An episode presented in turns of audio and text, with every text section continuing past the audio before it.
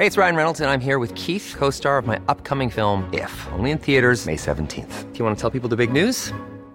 All right, I'll do. Sign up now and you'll get unlimited for $15 a month in six months of Paramount Plus Essential Plan on us. Mintmobile.com slash switch. Upfront payment of $45 equivalent to $15 per month. Unlimited over 40 gigabytes per month. Face lower speeds. Videos at 480p. Active Mint customers by 531.24 get six months of Paramount Plus Essential Plan. Auto renews after six months. Offer ends May 31st, 2024. Separate Paramount Plus registration required. Terms and conditions apply if rated PG. I'm Sandra, and I'm just the professional your small business was looking for. But you didn't hire me because you didn't use LinkedIn jobs. LinkedIn has professionals you can't find anywhere else, including those who aren't actively looking for a new job but might be open to the perfect role, like me. In a given month, over 70% of LinkedIn users don't visit other leading job sites. So if you're not looking on LinkedIn, you'll miss out on great candidates like Sandra. Start hiring professionals like a professional. Post your free job on linkedin.com/people today. Du lyssnar på GVS ljudböcker.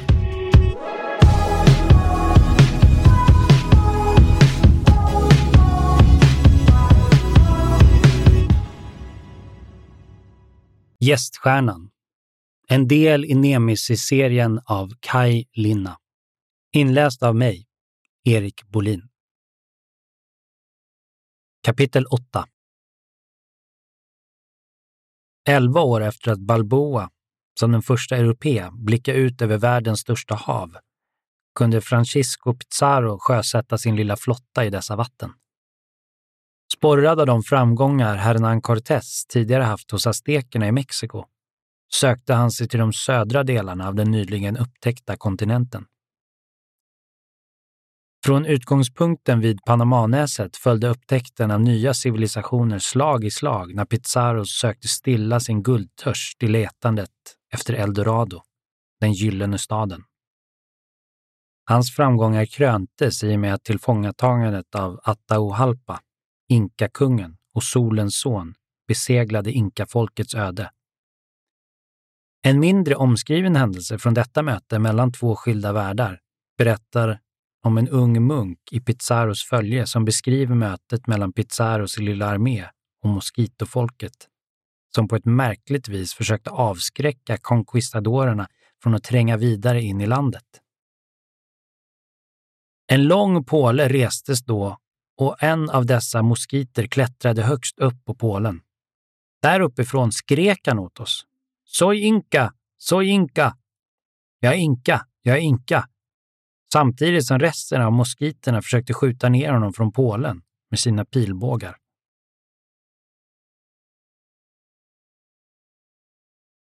Midvinterceremonin firades den fjärde dagen i den första nymånen efter att de sju systrarna stått i Zenit.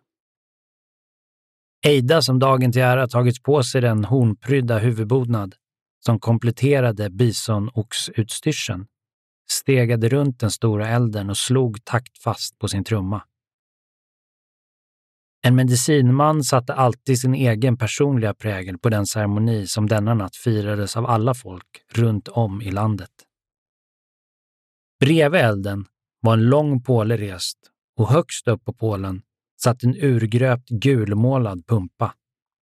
Inuti pumpan brann en tranlampa. Att förbruka värdefulla pilar på det vis som Akka gjort tilltalade inte Eida. Dessutom var det mer effektfullt att rigga upp en miniatyrsol på en påle så att alla lätt kunde se.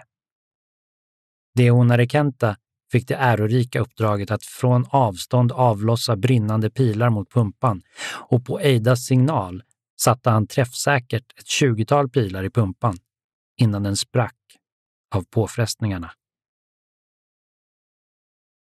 Denna nytillkomna skjuta på solen-ceremoni fascinerade samtidigt som den förbryllade byns invånare, som inte riktigt förstod hur de skulle tolka det hela.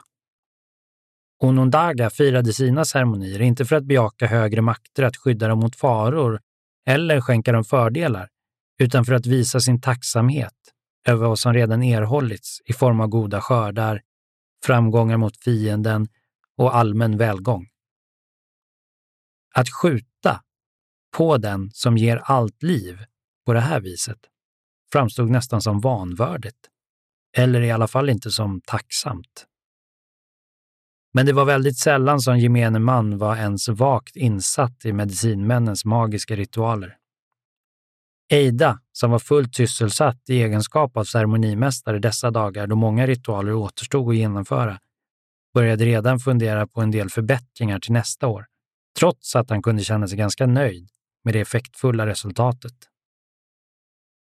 Tankarna kretsade kring en stor nätboll gjord av flätade majsskälkar. Inte olik den bur Peter tidigare varit placerad i, bara mer rund och på något vis gulfärgad. Men detta var inte det enda som distraherade Eidas tankar denna viktiga natt. Peters ankomst till byn framstod som allt mer som ett fullständigt mysterium. När Eida skulle till att lämna Akkas grotta för att återvända hem till byn hade häxan tagit honom åt sidan och sagt honom att han skulle återvända så snart midvinterceremonin var över. Och han skulle då ha med sig den vita älg som Deonerekenta fört till byn. Eida berättade då om vad Pialo sett uppifrån åsryggen, men åt detta skrattade häxan bara. Hälsa Deonerekenta att nu kan han gifta sig med Otlakla. Om hon säger ja. Eida som var van vid att inte alltid tydligt se vare sig mening eller samband i vad Akka sa, förstod ändå så mycket att det var denne unge Peter som han nu var tvungen att eskortera tillbaka över Alhigne-platån till Akkas grotta. Det skulle dock visa sig att Eidas ansträngningar med att förbereda pojken inför den långa färden var en mycket besvärlig uppgift. Samtalen med Peter framskred inte alls så lyckat som Eida först haft anledning att tro. Ju mer de började förstå varandra, desto mer tystlåten och tillbakadragen blev den unge mannen. Peter blev till och med argsint och hela hans kroppsspråk visade på en djup misstro gentemot Eida. Detta förvånade honom storligen, eftersom han ville pojken väl. Han hade hela tiden haft ärliga avsikter och definitivt aldrig sagt någonting till Peter som var direkt osant eller illasinnat. Var det någon som skulle visa misstro så var det väl ändå Eida. En del av vad den unge spolingen påstod var ju rena rappakaljan. Det värsta var nog när Eida ritat upp en kartbild i sanden som skulle föreställa Ontario. Peter förstod och höll med om att det var samma sjö de båda menade, att han till och med kunde identifiera en del platser som till exempel Niagarafallet, Toronto, Mississauga, som var namnet på träsket där de Honorekenta hade hittat honom, var en del av själva mysteriet. Men när pojken på fullaste allvar påstod att han var född och uppvuxen på exakt den plats de befann sig, gapskrattade Ida först åt det stolliga skämtet, till skrattet fastnade i halsen på honom och övergick i irritation när han insåg att Peter inte var beredd att ändra sig. Eida drog sig då till minnes en gång för länge sedan när han själv befunnit sig i en situation som på många sätt och vis liknade den som Peter befann sig. Han hade då varit i ungefär samma ålder som Peter var nu. Tillfångatagen, misshandlad, hungrig och rädd. Hela tiden i väntan på att hans liv skulle släckas. Snabbt med ett klubbslag eller långsamt över den glödande elden. Men då fanns det ingen som kunde göra sig förstådd med honom, så som han och Peter kunde, och han hade varit tvungen att illa kvickt lära sig Mohawkernas språk, eller bli förlorad. Och visst, det hade funnits tillfällen när de språkliga missförstånden varit smärtsamt påfrestande och, erkände han för sig själv, mer än irriterande. Peter satt lutad mot långhusets yttervägg. Scenariot som utspelar sig framför hans ögon var ytterst imponerande. Och skrämmande. Flera hundra pråligt uppklädda indianer, män, kvinnor och barn, såväl unga som gamla, var samlade runt den stora brasan mitt i byn. Allihop deltog de i någon sorts firande med sitt dansande och sjungande och sina täta utrop av vad som knappast kunde kallas för någonting annat än äkta indiantjut. Vilket varje gång Peter hörde det fick honom att ofrivilligt stelna till och håren i nacken att resa sig. Många av de dansande kvinnorna skakade sina skallror och såg ut att vara tillverkade av små sköldpaddor. och de flesta av männen bar spjut med vilka de hela tiden gjorde utfall mot varandra och några till och med rakt in i den sprakande elden. Hela tiden rullade trumslagen med sina dova dunsar, allt snabbare och snabbare för att avsluta sitt klimax med ännu ett blodisande indiantjut. Och så började det om igen. Han började förstå nu. Långt upp i norra Kanada fanns det många stora sjöar. Några kunde han namnet på, som till exempel eh, Lake Winnipeg och Stora Slavsjön. Det var vid en av dessa sjöar som han nu hölls fången. Visserligen var han fri att gå runt som han ville i byn och alla han mötte log vänligt och hälsade på honom med sitt ”hista Pahoki, vad det nu betydde. Men det ändrade inte på någonting. Den gamla kvinnan, som nu även hade ett namn, Tekaka, lyckades inte särskilt väl dölja att hon hela tiden i sällskap med den lilla flickan, som tydligen var hennes och Eidas gemensamma barn, ängsligt höll reda på var han befann sig. Han var ändå en fånge. Norra Kanada bestod till största delen av vidsträckt obebyggd vildmark. Och detta förklarade varför han inte sett några flygplan i luften eller varför det inte fanns någon elektricitet eller ens en väg fram till byn. Tyvärr vill inte en enda indian prata engelska med honom. Synd att jag inte kan franska, tänkte Peter. För det var tydligen så att dessa indianer endast förstod detta andra språk som talades i det tvåspråkiga Kanada. Inte ens den där Eida kunde någon engelska, men honom gick det åtminstone att prata med hjälpligt. Peter antog att han var en vinddriven skandinav som av någon anledning valt att likt en hippie leva här ute i vildmarken med indianerna. Peter förstod mycket väl att en stor del av det som inte stämde med Eidas påståenden kunde bero på språksvårigheterna som fanns. Men han var långt ifrån nöjd med endast den förklaringen. Det räckte inte. Peter var säker på att Eida försökte föra honom bakom ljuset när han ville få honom att tro att de fortfarande befann sig vid Ontario. Och att de hade hittat honom på isen. Helt ensam och utan kläder. Hur dum tror han egentligen att jag är, tänkte Peter. Han saknade sin mamma och sin yngre syster och undrade hur de mådde nu. Förmodligen var det många som letade efter honom och han hoppades att hans far tagit ledigt från jobbet nere i Memphis, Tennessee och nu kommit upp för att aktivt delta i sökandet. Kanske kidnapparna efterlämnat något spår som kunde leda sökandet hit upp i norr, hoppades Peter. Med största sannolikhet var alla tidningar i såväl Kanada som USA fyllda med detaljer om bortrövandet. Att han blivit kidnappad i utlandet var säkert något som endast ökade den mediala uppmärksamheten ytterligare. Men vi får väl se imorgon, tänkte Peter. Eida hade låtit honom förstå att det var meningen att han och Eida då skulle lämna byn. De skulle färdas gående till en väldigt viktig person som tydligen väntar på dem. Vid första bästa tillfälle när vi kom upp på en väg eller i närheten av några dragna ledningar så smiter jag. Tanken på att mardrömmen snart skulle kunna vara över gjorde Peter lite mer avslappnad. Vilket fick honom att inse hur trött han var. Han beslutade sig för att, trots oväsendet från festen, försöka få lite sömn. Han skulle behöva sina krafter inför morgondagen.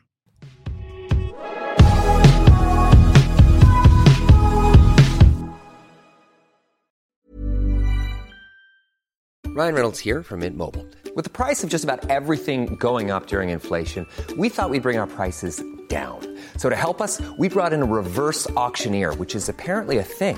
Mint Mobile unlimited premium wireless. Ready to get 30, 30, bit to get 30, bit to get 20, 20, 20, bit to get 20, 20, bit to get 15, 15, 15, 15 just 15 bucks a month. So, Give it a try at mintmobile.com/switch. slash $45 upfront for three months plus taxes and fees. Promo rate for new customers for limited time. Unlimited more than 40 gigabytes per month. Slows. Full terms at mintmobile.com.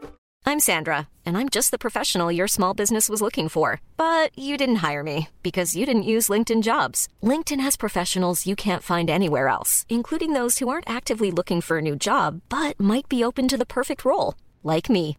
In a given month, over 70% of LinkedIn users don't visit other leading job sites. So if you're not looking on LinkedIn, you'll miss out on great candidates like Sandra. Start hiring professionals like a professional. Post your free job on linkedin.com slash people today.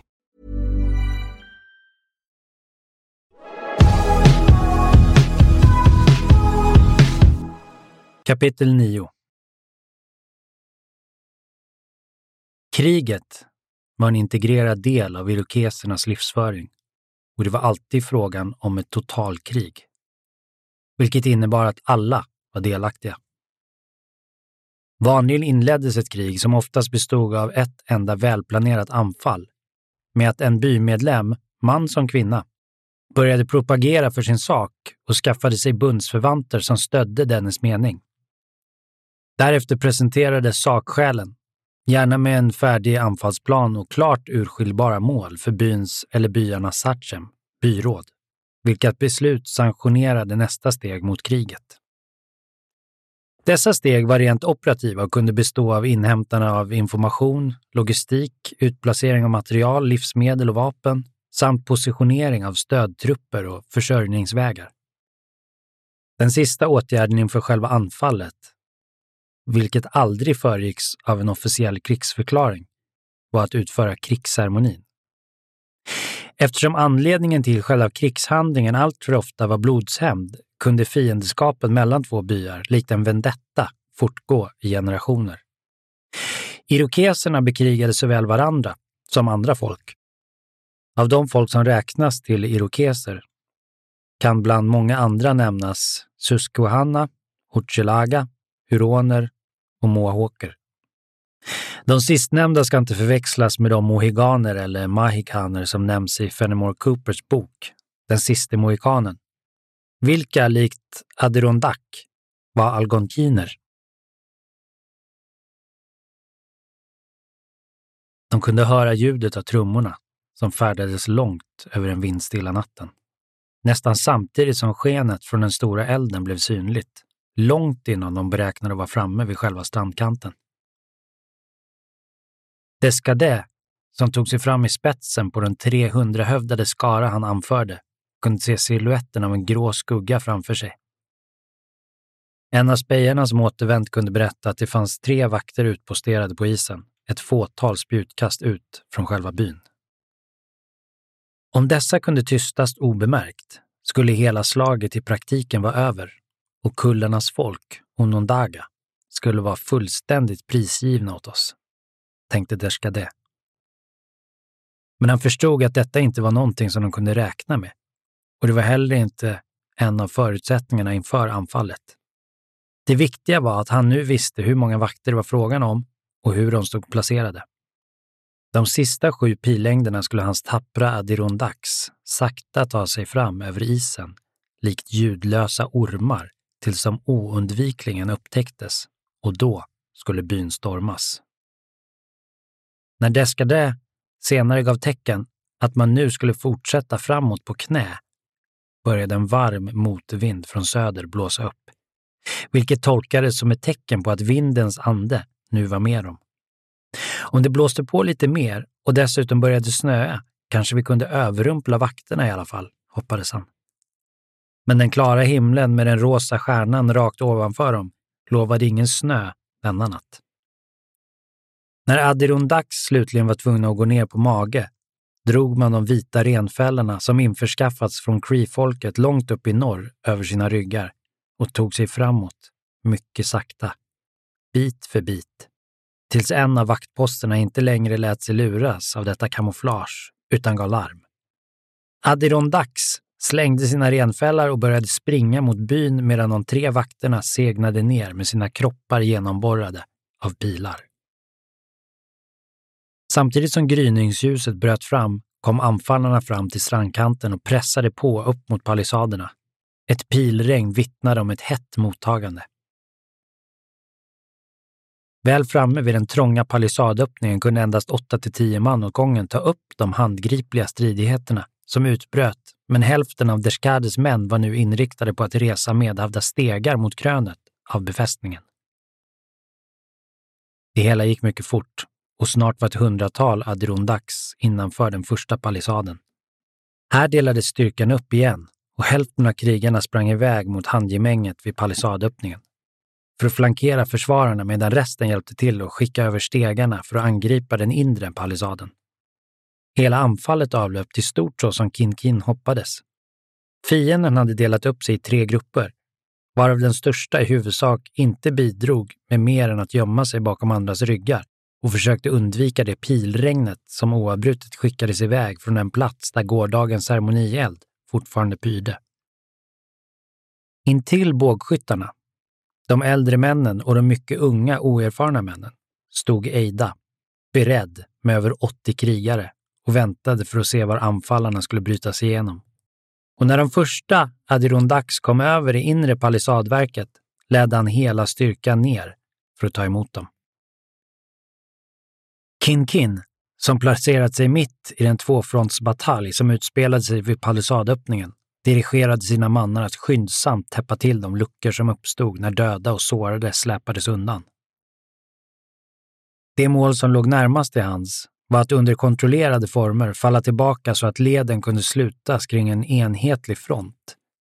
Det fanns ingen port som gick att stänga och anledningen till detta och att det ansågs vara betydligt svårare att klara anfall genom att enbart stå och passivt vänta på var fienden skulle ta sig över palissaden, så som Eidas grupp nu gjorde. Mitt i tumultet fick Kin Kin vetskap om att fienden tagit sig igenom den södra öppningen, som var klent försvarad. Detta besked grusade Kinkins begynnande optimism, eftersom han inte hade någon annan beredskap för detta än att själv rusa iväg genom byn med en handfull män. Men när de passerade slagväxlingen som leddes av Eida lyckades de dock få med sig ytterligare ett tjugotal män. Väl vid byns södra ingång insåg Kinkin att de inte hunnit fram i tid. Adirondacks hade överlistat dem, trots allt.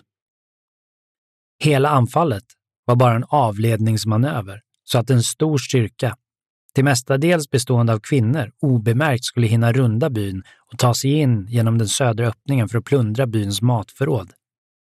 Detta var Adirondacks huvudavsikt med hela anfallet. I förbifarten var flera hus stuckna i brand så att angriparna kunde slinka iväg med bytet medan de som blivit plundrade var upptagna med att bekämpa elden. Om det fanns någonting som Onondaga fruktade mer än fientliga anfall så var det att elden kom lös bland deras långhus.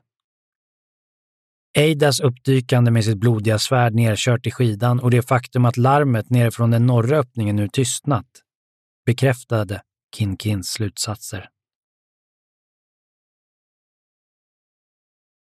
Deshkademon manade på sitt folk när de i medhavda pulkor släpade det rövade bytet över isen samtidigt som man med ett belåtet grin beskådade den mörka rök som steg från byn. Hans hjärta svällde vid tanken på vilken triumf som i natt skulle firas till hans ära. För det var han, Deshkade, som ensam kommit på och genomdrivit en plan som denna morgon fungerat helt perfekt. Åtta av de tappra krigare som bara för en kort stund sedan krupit över sjön med honom låg nu kvar bland några sårade stackare som skulle få sjunga sina sånger över glöden innan solen hunnit gå upp en gång till. Dessa skulle få sin hem senare, svor han. Men det var det värt. I natt skulle Adirondack inte gnaga på träbitar.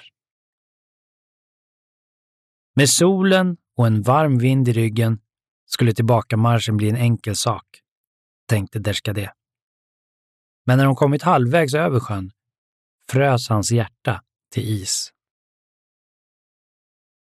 Denna varma vind från söder som tidigare misstagits för en god ande visade sig vara raka motsatsen. Den breda vak med öppet vatten som sträckte sig så långt de kunde se åt båda hållen var denna vinds gåva till Adirondack. Eftersom Ontariosjön genomströmmades av den stora flod som rann till vid Niagara ut vid Hochelaga misstänkte Deshkade, som nu förbannade sig själv för att hon lämnat kvar sina stegar hos Onondaga, att rännan i värsta fall sträckte sig hela denna väg och delade sjöns istäcke i två delar. Han beordrade då fyra unga krigare att klä av sig för att simma över med sina kläder i skinnsäckar på ryggen. Resten av följet, varav några var mer eller mindre allvarligt skadade, skulle förflytta sig längs med rännan mot nordöst. Senast vid skymningen skulle de återses och de fyra männen skulle då ha hunnit springa en mer än dubbelt så lång sträcka och dessutom hunnit få med sig några långa stockar från skogsbrynet på andra sidan. Det var en bra och fullt genomförbar plan, hoppades Deschkade desperat. Om männen var snabba nog skulle dessa stockar kunna rädda dem över rännan ifall inte Onondaga tog upp förföljandet och kom ikapp. Eller om rännan inte breddades så mycket att ingen stock räckte till. Framåt eftermiddagen började Descadet inse att Onondaga inte var deras största bekymmer. Isen smälte allt snabbare och den varma vinden visade inga tecken på att avta, snarare tvärtom. Snart halkade de tungt lastade Adirondacks fram i det ankeldjupa vatten som låg på isen. Och vid det första skymningsljuset gick den första gruppen om sju personer igenom, trots att de tog sig fram vid sidan om på torrare is. Fyra av dessa lyckades ta sig upp igen med hjälp av rep som slängdes ut. Men de resterande tre gick förlorade, tillsammans med allt byte de släpat på. När mörkret föll gjorde de halt där rännan var som smalast. Ett vindskydd spändes upp så att Onondaga inte skulle se den signaleld som skulle leda de fyra krigarna med de efterlängtade stockarna. Och där satt Derskadeh med sitt folk och väntade, begrundade sitt öde i den rosa stjärnans ljus medan isen smälte. Innan männen med stockarna hunnit fram slukade sjön ytterligare 25 kvinnor och män. Derskadeh började fundera på om det verkligen hade varit värt allt detta. Även om de skulle komma hem igen med ett rikt byte var manfallet vid det här laget allt för stort för att någon ärorik fest skulle komma i fråga. Nu kunde även ljudet från förföljarna höras. Och när det visade sig att stockarna inte räckte till för att nå över hela rännan var katastrofen total. När Kinkin och hans män kom fram till den plats där de första tre Adirondacks drunknat spred de ut sig, likt ett långt bågformat band med en mansbredds avstånd mellan varje krigare och fortsatte framåt tills de vid gryningen insåg sina fienders utsatta läge. I vild desperation lämnade Adirondack sitt byte och hoppade i rännan under beskjutning från Onondaga. Stockarna gav viss hjälp och hälften tog sig över med livet i behåll. Men Derskadeh hade inga planer på att komma hem med en så neslig flykt som enda byte. Istället greppade han sin stridsklubba och gick rakt emot bågskyttarna medan han skrek ut sin vanmäktiga ilska mot Kin-Kin, som antog utmaningen. Framför bågskyttarna, som fortsatte att skjuta mot dem som klarat sig över rännan, möttes de två ärrade krigarna, öga mot öga. Nästa skrik från Derskadeh tystnade abrupt av flintspetsen på de Honorikentas pil som gick rakt igenom Derskadehs gom och ut genom nacken. Det sista ord Optlakla hade sagt i sitt liv till det hon rekenta vid ceremonielden kvällen innan var ja. Åh nej, klagar Peter efter att ha legat vaken hela natten och inte kunnat somna på grund av det oavbrutna oväsendet. Det var först framåt småtimmarna som trummandet och tjutandet äntligen tystnade. Men nu tog det fart igen. Han fick tag i ett pälsverk som han tryckte över öronen, men genom marken kunde han känna vibrationerna från tumultet där ute. Att han bara orkar, tänkte han, och lyckades till slut falla i sömn. När han vaknade några timmar senare blev han först förvånad över att Eida inte väckt honom. För det var väl idag de skulle gå, tänkte han. Sen kände han den stickande brandlukten. Väl utanför huset såg han förödelsen. Två av långhusen var nedbrunna till grunden. Och borta vid ingången låg vad som liknade ett par förkolnade kroppar. Tre andra långhus var svedda av lågorna och skadorna på taksektionerna var omfattande. Överallt gick kvinnor och barn till synes planlöst omkring och grät öppet. Chockad återvände Peter tillbaka in i huset igen och satte sig vid härden, där han fortfarande befann sig när Tekaka kom in några timmar senare. Eller var det verkligen Tekaka? Den här kvinnan såg ut att vara 30 år äldre. Hennes kläder hängde i trasor och hela hennes kropp var insmord i smuts, sot och aska, från topp till tå. Apatiskt sjönk hon ner bredvid Peter och vaggade gnyende med kroppen fram och tillbaka. Kort därefter kom Eida in. Vad är det som har hänt? Adirondack, Eidas trubbiga svar vittnade om hur trött han var. När Kin Kin hade blivit kär i en flicka från Onondaga hade Eida fått följa med då Kin Kin flyttade från Huchilaga till denna Onondaga-by för att gifta sig och för att se Kin Kin bli byns nya hövding. Sinte Tialon. Det ingick i det uppgjorda avtalet att den nya hövdingen förde med sig den mäktiga medicinmannen med det röda skägget som bröllopsgåva till byn. Sedan dess var Eidas dagar uppfyllda med Onondagas andliga och medicinska behov. Men det senaste dygnets händelser var det mest intensiva han upplevt i sin roll som medicinman. Efter att ha samlat ihop alla sårade och sett till att de fick den hjälp som kunde ges hade han ordnat så att alla de döda samlades ihop. De låg nu i tre åtskilda högar. I den ena fanns det tio av deras egna krigare, inklusive de tre vaktposterna nerifrån sjön, varav en av dessa var Lillkekko. Och i den andra högen låg en liten flicka på fyra år och två kvinnor, varav en var Otlakla, som blivit innebränd tillsammans med flickan. I den sista av högarna låg nio Adirondacks. Efter att deras hjärtan blivit utskurna och slängda åt hundarna skulle deras kroppar släpas ut på isen och lämnas där. De egna skulle sändas iväg på den sista resan under mer värdiga former så snart Kin Kin kom tillbaka med männen. Dessutom låg tre skadade Adirondacks fastsurrade under bevakning bakom hövdingens hus. Dessa skulle tas om hand på ett lämpligare sätt senare. Så Eida var inställd på minst en natt till utan sömn. Han ville inte, orkade inte svara på en massa frågor. Adirondack? Peter nöjde sig inte med detta svar och ville veta mer. Men Eida viftade förnysande bort hans irriterande nyfikenhet. Men när ska vi gå då? envisades Peter. Sen, svarade han vresigt och gick och la sig vid sin sovplats för att försöka få åtminstone någon timmes sömn innan männen kom tillbaka.